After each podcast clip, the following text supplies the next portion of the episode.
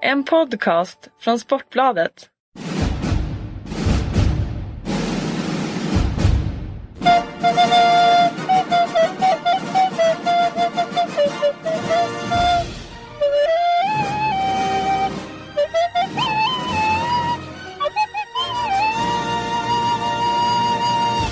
Då är det onsdag. Vilodag för svenska laget betyder det och det betyder också VM-podd i samarbete med Svenska handbollslandslaget AB och Per Johansson. Som eh, jag såg ett par stortår på, på, vid en pool på Twitter här för ett par timmar sedan eh, Per. Var det, var det dina eller var det Vranjes? Jag vet inte vilket Twitterflöde du har i och för sig, men, men eh, det, det, är stor sannolikhet att det kan ha varit mina. Ja. Jag har ju mest hållit mig inomhus. Eh, jag trivs ju ganska bra med det. Eh, men idag var det ju varmt faktiskt, nästan för första... Det har ju varit lite småkyligt här i öknen, men idag var det behagligt. Så det, Ja. var, det var skönt. Värmen har kommit till öknen. Ja, precis. Ja. Själv har jag varit på marknad i, eh, med landslaget. Vi fick hänga med på, på deras lilla utflykt som väl mest eh, bestod av att de satte sig ner och, och, och tog en fika. Ja. Eh, förutom stycket och Petersen som eh, de nog tappade bort och enligt Ekberg så är det stycket som öppnar plånboken vid sådana här tillfällen. Jaha. Eh, Men när de sen skulle tillbaka där så hade de inte riktigt koll på var, var de här båda var om de var medvetna om att de hade, skulle åka en halvtimme tidigare. Så att, men de hittade säkert dem, det får vi hoppas för det där är väl två viktiga spelare. Som kanske ska vara med i, imorgon mot Egypten. Ja, det är väl också två spelare som har lite, lite svårt att sitta still. Man kan nog lägga in Petersen i det facket också med, med Andreas Nilsson. Som själv uttalade det i, i, i Sportbladet. Så att, eh, det var väl ingen, det var väl ingen eh, högoddsare direkt. Två rastlösa själar. Ja, väldigt bra handbollsspelare. Absolut. På tal om det med, med så, så det var ju Patrik Fahlgren och Lukas Karlsson som beskrev sina lagkamrater lite sådär. Det visste ni inte om var ju temat då. Så berättade de någonting om varje. Och, och det var ju rätt roligt. Vi började med Mattias Andersson och så sa Fahlgren. eh, Har ni hört det här tänka innanför boxen? Eller tänka utanför boxen? Ja. Att Mattias är precis tvärtom. Han har aldrig tänkt utanför boxen. Han är bara inne i boxen hela tiden. Men han är onekligen ganska bra på att eh, vara inne i boxen också. Det är en, en kompetens som, som också kan vara stark. Absolut. Och så menar de då att Petersen var exakt tvärtom. Att, eh, han gick inte så att beskriva mord. Man borde filma honom 24, under 24 timmar för att kunna beskriva honom. Jag har ju faktiskt haft eh, Petersen i mitt lag i, i tre, fyra år. Eh, för många år sedan. Så, I U-landslaget va? Ja, J och U. Ja. Eh, Ja, U var det väl framförallt. Men ja, han är en, en, en, en härlig figur. Han hade ett härligt uttalande igår också i Kanal 5 efter matchen att det här var som ett sämre träningspass. 10 av 10 säger väl ett bättre träningspass. Men han han använde ordet sämre istället. Kanske inte helt politiskt korrekt. Nej, men ändå väldigt roligt och ärligt. Och härligt, härligt media... Befriat från mediaträning. Definitivt. Nej, han, han kommer nog aldrig. Han går nog inte att medieträna. Hoppas inte det. Nej. Eh, så nu är jag också tillbaka på hotellet efter att från marknaden kryssat mig mellan väg och husbyggen och, och mest promenerat på refuger. För det finns ju knappt några trottoarer här. Så det säkraste är att gå på refugerna mellan, eh, mellan vägbanorna. Ja, i rabatterna eh, är väl nog säkrast, även om det inte känns så säkert. Men eh, man ser nästan inga människor. Tycker jag. Nu var du på en marknad i och för sig, men man ser inga människor ute. Man ser bilar. Bilar och, och gästarbetare ser man väl i och för sig. Ja. Eh, ja, i samband med... Ja, men det är, det är lite människor på gatorna. Ja det är det. Det är mycket märkligt. Men den här marknaden som vi nu upp, som landslaget upptäckte till oss och som vi visade sig ligga ungefär 15 minuters promenad härifrån var faktiskt en befrielse. Det var lite, det var lite civilisation och riktigt, riktigt liv med, Ja. med, med både café och framförallt uh, uteserveringar och så här som man kan kunna sitta på. Har ni gurkburk hemma? Nej, ska vi prata lite VM och handboll? Ja, det jag tänkte precis säga, nu släpper vi lullullet. Ja. Eh, vi har inte så mycket tid här. Nej då, vi ska inte stressa igenom det här. Vad säger du? Eh, vi sitter här dagen efter en ny utklassningsseger från Sveriges håll. Eh, det var Algeriet som åkte på dyngtorsk igår. Eh, vad säger du om den matchen? Och, och, och Ja, jag, jag börjar bli hånad nu nästan av laget därför jag ställer hela, hela tiden frågan var står ni egentligen? Senast idag var det Tobbe Karlsson som eh, tyckte att det, ja, det där bryr du dig om hela tiden. Eh, och det gör man ju för jag tycker fortfarande inte riktigt att vi är... Samtidigt som Islands kryss mot Frankrike något vis eh, ändå eh, höjde värdet av den svenska premiärsegern mot Island. Kan jag tycka. Alltså en seger mot Island i ett mästerskap är ju, är ju alltid väldigt, väldigt bra. Igår var det ett Island som drev, förde och var värda den, de två poängen. De gjorde en jättebra match. Det var Palmarsson, Petersson, Atlasson och, och och Snorre Gudjonsson och det här gänget och Gunnarsson på linjen. Det var, det var en, en riktigt, riktigt bra handbollsmatch som hamnade lite i skuggan av eh, bataljen Danmark, eh, mm. Tyskland. Men det var också en, en väldigt, väldigt bra handbollsmatch. Eh, mina känslor, ja. Jo, eh, mest blir jag bara liksom lite förbannad när jag ser på Algeriet för att de, de eh, vill, lite grann vilka tror de att de är. De börjar med en nästan en ren B-uppställning förutom Okrani på linjen och, och, och eh, ser håglöst ut och på något sätt eh, har givit upp. Och, och, jag menar, Sverige får ju den här matchen en väldigt, väldigt enkel resa så man behöver inte bemöda sig så mycket för man har en motståndare som, som faktiskt som lag inte ser intresserade ut överhuvudtaget. Det kan ju givetvis ha med historik att göra, att man känner sig slagen på förhand. Men eh, alltså, eh, så sett så var det, var det en tråkig match. Sen, sen så spelar de upp sig i andra halvlek Algeriet och, och, eh, och, byter in sina ja, så kallade stjärnor. Men, men eh, det var en walk in the park den här gången eh, för Sverige som ju fick matchen precis som de ville utan att bemöda sig så mycket. Det var väl det som var skillnaden mot de två inledande matcherna. Ska vi bli eh, lite oroliga för bredden i truppen när, när för Sverige bytte ut sina stjärnor i andra halvlek och, och satte in i stort sett en, en B-uppställning som de facto förlorade den andra halvleken och en, en tiominutersperiod med, med 1-7.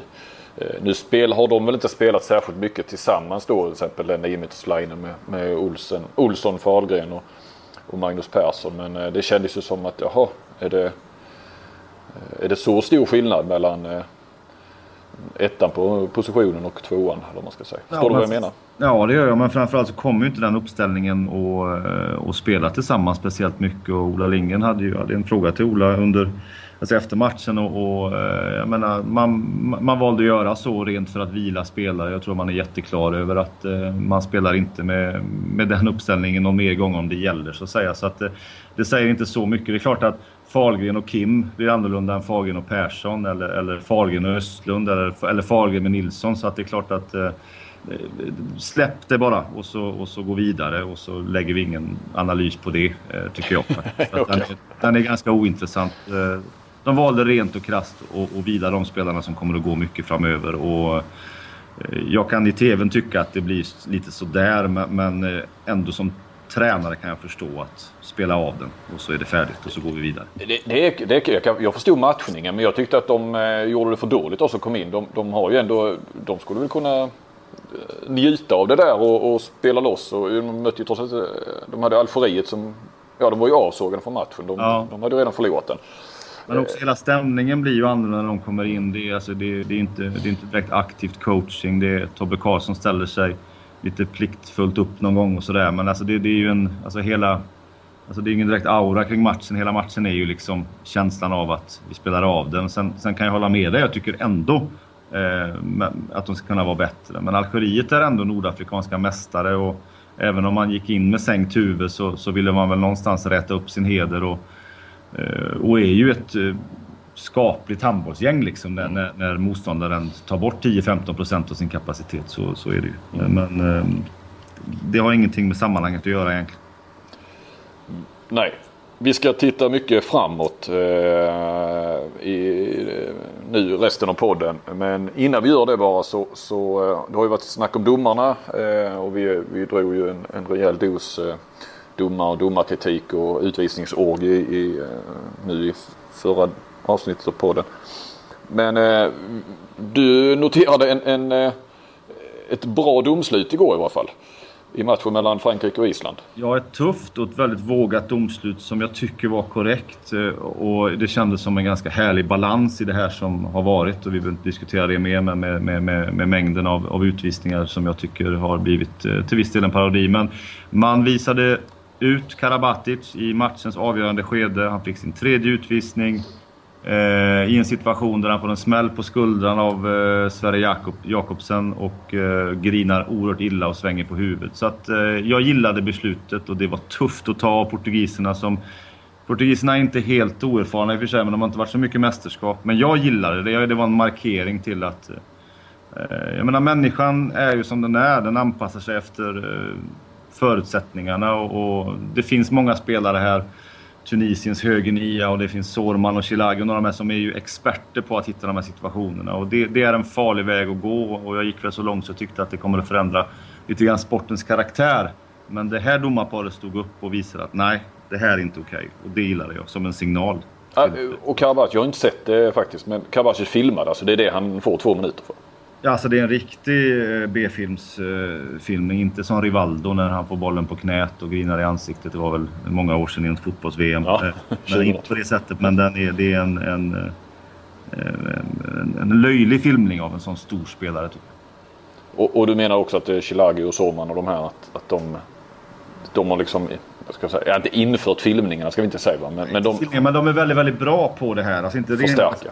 Det är klart att man ska, alltså, i spelet handlar det om att man ska förstärka, ja. Men, men jag tror att det kan bli någon form av eh, copycat-variant här nu om, om, om man liksom ja, tycker att det är okej okay att man får göra så i och med att eh, man åker ut lättare än vanligt. Så att det, det, det är ingen passning egentligen till Solman Silagi, men de är bra på det som det är och det, de kan nog få många följare.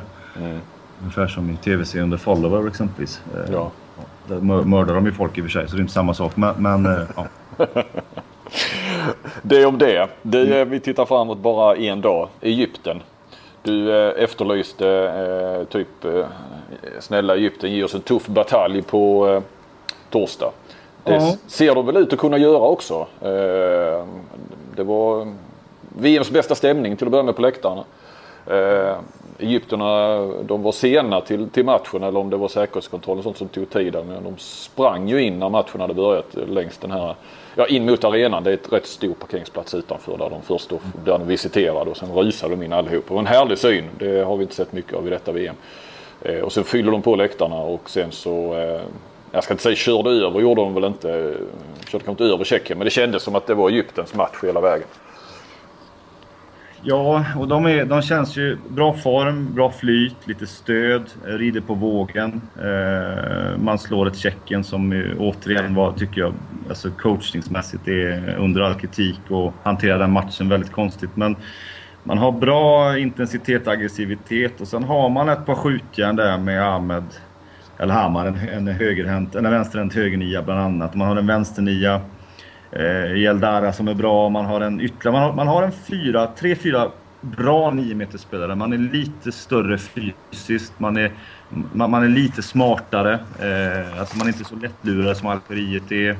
Jag tror man har huvudet lite högre när man kommer in och möter Sverige och jag tror att man har en, en jäkligt god stämning i laget. Jag tror att det här är över förväntan det man har gjort hittills. Så att, eh, Eh, någonstans så, så, hoppas jag att det blir en, en, en handbollsmatch värdig namnet utifrån lite spänning, lite, lite besvärliga situationer där man kanske hamnar... Eh, ska bara stänga av. Eh, där man... Eh, ja, där man sätts på lite, sätts lite prov. Ja. Eh, du nämnde högernian där. Eh, nummer 66 ja. Vad va heter, vad uttalas det? Eller Hammar? Ja, nu sätter du mig på en sån där, men han heter ju i alla fall Ahmed El Ham Hamar. Ja, ja, precis. Nummer 66 är väl lättast att säga. Ja, nummer 66. Ty tydligt nummer. Jag skulle bara säga Jonas Kjellman, han sa det, för han hade mött honom flera gånger i, mm. i, i uh, den här, här nere då i den här Superglobe-turneringen. Ja. Uh, och det är ju en Christian Seitz modell lite större. Men sen har de ju en bakom också som heter Mohammed Amer. Uh, också en, en, en som har lite liknande halvdistans och kvick och patronbälte och det där. Så att eh, de har ju mycket, de har bättre 9 spelare framförallt tycker jag. Ja. Eh, Egypten och lite större fysiskt. Så att, eh, och ett lag i form och som ju tror lite på sig själva och som gjorde det jättebra mot Frankrike. Så att eh, det är Sveriges eh, ja, bästa motståndare. Men i det här läget som har varit så tror jag att det, det här, här kan det bli match. Mm. Och det är väl, det har väl suttit fint med en bra match som Sverige går vinnande ur. Ja. ja. Jag skulle bara nämna det med, med han eh, nummer 66 där det var för Kjellman. Han mött honom flera gånger. Han sa att han har kanske den, den bästa stegersättningen han eh, har sett Kjellman. Så att, eh, som han har mött. Så han, ja. Det kan ni om ni vill. Det är sådär. Kan ni hålla utkik. Ja. Han är ruskigt kvick, kvick igen. Ja. Modig. Kvick och modig och, och rapp. Det här är väl ingen gurkburk? Eller? Men du, vi tittar ännu längre fram. Eh, inte mot Frankrike-matchen utan det börjar bli intressant. Sverige är klara för åttondelsfinal.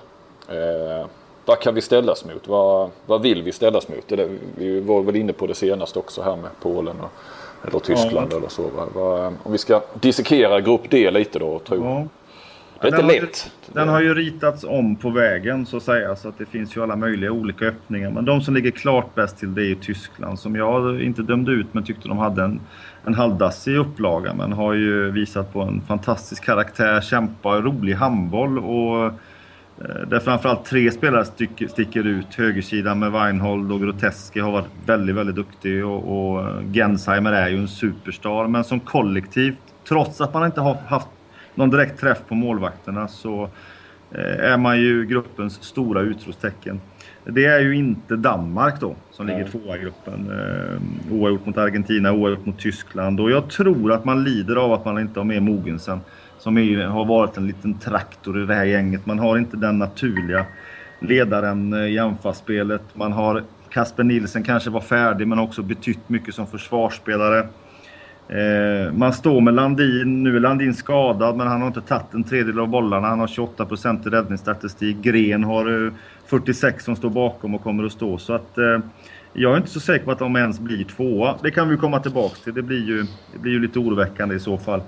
Polen eh, hankar sig kvar på gammalt klassiskt Bigler-sätt, eh, alltså coachen. Men det är bröderna Jurecki, det är Lijevski som driver det. Och det ryktas ju om en liten konflikt mellan Bigler och Lijevski, men eh, jag vet inte. Men de, de, är rutinerade, det ska man inte ta ifrån dem i de här sammanhangen, även om de inte har imponerat. Eh, Ryssland som ju nu ligger under strecket eh, är ju som en dålig säljare som jag sa här eh, under dagen. Alltså man, man gör det väldigt, väldigt bra i 95% av matcherna men har varit eh, rent kapitalt usla sista minuterna. Eh, Pavel Attman har eh, fullständigt gjort horribla saker som har gjort att man har två uddamålsförluster. Ehm, Argentina Eh, utmanar ju eh, på alla sätt och vis. Eh, bröderna Simon, spelar ju på fyra spelare egentligen. Bröderna Simonet som har varit med länge, spelar i Frankrike. Man har en fantastiskt duktig högersexa i Pizarro som, eh, som gör det bra och har, haft, har också haft bra målvakt faktiskt. Eh, fått träff på målvaktssidan. Så där är det ju egentligen det är ju totalt vidöppet. Eh, Tyskland har ju det enklaste på papper programmet kvar. Sydafrika höll jag på att säga. Eh, Saudiarabien och eh, Argentina som blir tufft. Där kan de mycket väl gå på en mina. Argentina först ska vi säga bara så vi tar Ja, Argentina ordning. först. Mm. Men Danmark har ju Ryssland och Polen kvar. Ja, ja. Eh, och jag menar torsk-torsk så är de fyra. Eh, Polen har Saudiarabien i nästa ja, så de tar ju två där. Så att, jag menar den här andra platsen. Om, om vi nu jag vet inte. Vi målade ju upp Danmark som en, en av de här fyra elefanterna. Men, men eh, det är ju stor risk att Danmark kommer trea. Mm. Eh, och Sverige, Sverige, Sverige kommer tvåa tror jag då, med uppskattning. Men, eh, sen tror jag att Sverige spelar på förhand, att man vet om resultaten. Jag tror att jag kollade upp det igår när man möter Frankrike. Man vet lite grann. Fast man vet inte. Danmark-Polen går ju samtidigt. Ja. Men det kan ju alltså bli Frankrike-Danmark i, i en åttondel. Alltså Frank, Danmark kan ju komma fyra. Ja. Eh, utan att det behöver liksom bli... Eh, ja, sensation blir det ju, men, men eh, de har ju ett tufft program kvar. Men samtidigt så måste de väl komma igång. Eh, ja. Men risken är att Sverige slutar tvåa. Det är väl det kanske troliga. Vi slår Egypten och, och, ja. och förlorar mot Frankrike. Och, och, då kan mycket väl Danmark vara trea. Men det är klart, är de nu inte bättre Danmark och, och Landin inte eh, kanske ens med eller inte i form så eh, då kanske det inte är så dumt att möta Danmark. Jag vet inte. Eller vad säger du? Man kan, bara, man kan ju bara konstatera att karaktären på grupp D är ju som en, en, en, en main round-grupp nästan i ett EM. Alltså det, det är ju en, en, en, eh, alltså en abnorm skillnad på Sveriges grupp. Mm. Uh, de, här har, de här bränner ju mycket energi givetvis. Det är ju det, det är knall på det varje gång. De, de får ju fyra av fem tuffa matcher. Saudiarabien ställer man ju av. Men, så där kanske det bränns iväg lite energi. Men det här med det här lite luftigare spelprogrammet ändå Eh, gör ju inte belastningen kanske extrem som det var förr i tiden. Men, men, och det är inte alltid det där hänger ihop heller. Jag menar, man kan spela många matcher i rad om man är i form och vinner. Och, men det är ju ett getingbo som ju ja, är skapat där på grund av att IOF har, har klantat sig en gång i tiden. Men den här gruppen är bättre än vad jag trodde den var. För jag visste att den skulle vara tuff. Men det är fem lag som slåss om det. Där, där Argentina är jämställt med de här faktiskt. Mm. Eh, utifrån prestation och vad de, vad de Eh, vad de levererade. Ingen överraskning. Hade en dipp eh, för två år sedan. Men, men eh, alltså hotar ju match efter match, de stora. Och Ryssland, då får man dem så har ju de varit lika bra som Tyskland och Polen och, och, och Danmark och Argentina. Men de har ja, fått lite hjärnsläpp sista minuterna. Mm. Det är enda skillnaden, alltså mm. de är lika bra. Vad är, vilka vill man ha och vilka vill man inte ha i dagsläget då? Vi kanske ändrar oss om två dagar när vi har sett en ny omgång i den, i den gruppen. Men, men eh. jag, jag, tror att du måste vara djupare integrerad i, i själva landslaget för att göra den bedömningen. Man kan se att det är lite olika skolor. Jag tror att det är sämst att få Danmark, tror jag. Polen har man det här med lite aber, att man har eh, haft en del mästerskapstorskar mot de som inte har känts så bra. Skulle jag välja en så tror jag, jag, jag tror kanske Ryssland hade varit den motstånd mm. som, som kanske Sverige skulle helst vilja ha. Men, men jag har ingen aning. Alltså, jag, ja. jag frågade spelarna lite grann igår. De tycker ju det är alldeles för tidigt naturligtvis. Och ja. Ingen ville svara. Det var tufft vilka som. Men Johan Sjöstrand svarade. Och han sa Ryssland direkt. Ja. att han ville ha Ryssland. Mm. Eh, inte Danmark eller Tyskland sa han. Eh, ett, ett hungrigt Tyskland. Eh, Nej, Nej det är nog så. Jag, jag tror att det, det är någonstans landade nog där. Vi, nej, vi, vi slog väl Ryssland i EM senast också va? Och men det, det, är ju som du säger, det är ju tillfälligheter att de, eh, att de, de kunde nästan lika gärna toppat den här gruppen nu. Om, om den här gruppen fortsätter att, äh, inte så, om, om det blir normala resultat i den här gruppen så blir det ju Ryssland eller Argentina. Ja. Eh, skulle jag ju då tro. Det kan ju bli, Polen kan ju faktiskt bränna. Men, men Polen har Saudiarabien kvar ja. Ja, ja, då, blir Polen. ja då blir det ju blir Sverige tvåa så, så eh, blir det ju då... Eh, ja, det blir ju Polen förmodligen. Ja. Men du är Danmark och Tyskland som är etta och tvåa? Ja. ja. Men det kan ställas om. Ja, vi får anledning att återkomma. Vi har så tätt ja. med poddar så vi hinner ju ändra oss flera gånger om här innan det är dags. Perfekt. Okej. Okay. Ska vi säga så så eh, hörs vi om två dagar igen. Mm. Eh, vi, eh, så du, får, du såg väldigt blek ut i hallen tycker jag. Tycker du behöver lite sol också. Ja, men jag satt faktiskt en stund eh, här ute nu och, och njöt lite. Mm. Eh, vi tackar Svenska handbollslandslaget AB och dig Per för eh, några givande 20, dryga 20 minuter. Mm. Eh, tack och bock och hörs om två dagar. Tack själv.